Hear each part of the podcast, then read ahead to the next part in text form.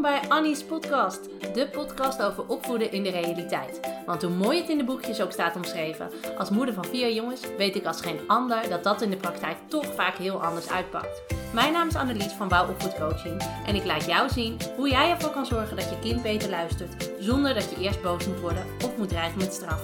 Op een nuchtere, praktische, humoristische en realistische manier. Veel plezier met deze aflevering van Annie's podcast.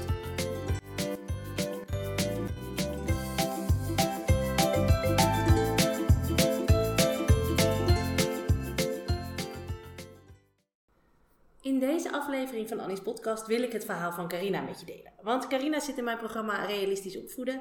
En voordat zij besloot mee te doen, ehm, kwam ze bij me en zei ze: Joh, ik heb zoveel gelezen over uh, hoe je moet reageren op boosheid bij kinderen. En wat je dan uh, moet en kan doen. Maar ja, wat doe ik nou als mijn kind er zo in blijft hangen. Als hij maar door blijft gaan. En ik heb al tig keer uitgelegd waarom iets niet mag. En ik heb begrip getoond. Ik heb aandacht gehad voor wat hij, voor wat hij wil. Maar hij blijft maar door en doorgaan. En wat moet ik nou doen? Nou, dat is een hele goede vraag. En daarom ga ik het antwoord met je delen. Want wat doe je als je kind zich als een stervende zwaan ter aarde stort omdat hij niet op de iPad mag? Of wat doe je als hij de, boos, uh, de, de deur boos achter zich dichtslaat en zegt dat jij er geen bal van begrijpt?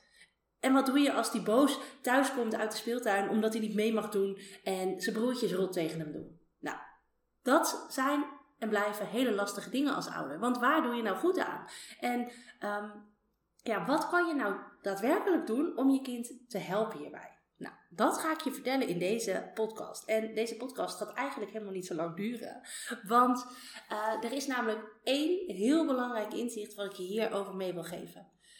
Er zit namelijk een heel groot verschil tussen een kind dat boos is, omdat hij overstuur is, omdat er iets vervelends is gebeurd, omdat hij niet mee mag doen, omdat hij, nou ja, hè, er zijn duizend en één redenen te bedenken waarom je kind uh, boos of verdrietig is, omdat hij overstuur is.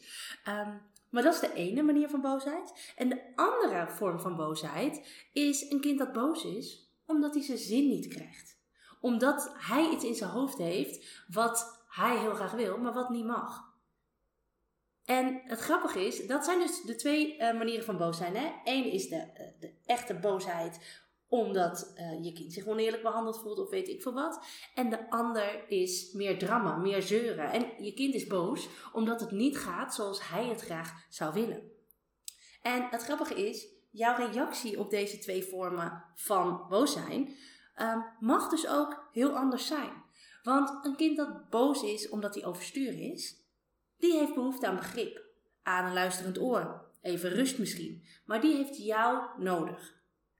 Een kind dat dramt, een kind dat zeurt en een kind dat zijn zin niet krijgt, die heeft behoefte aan grenzen.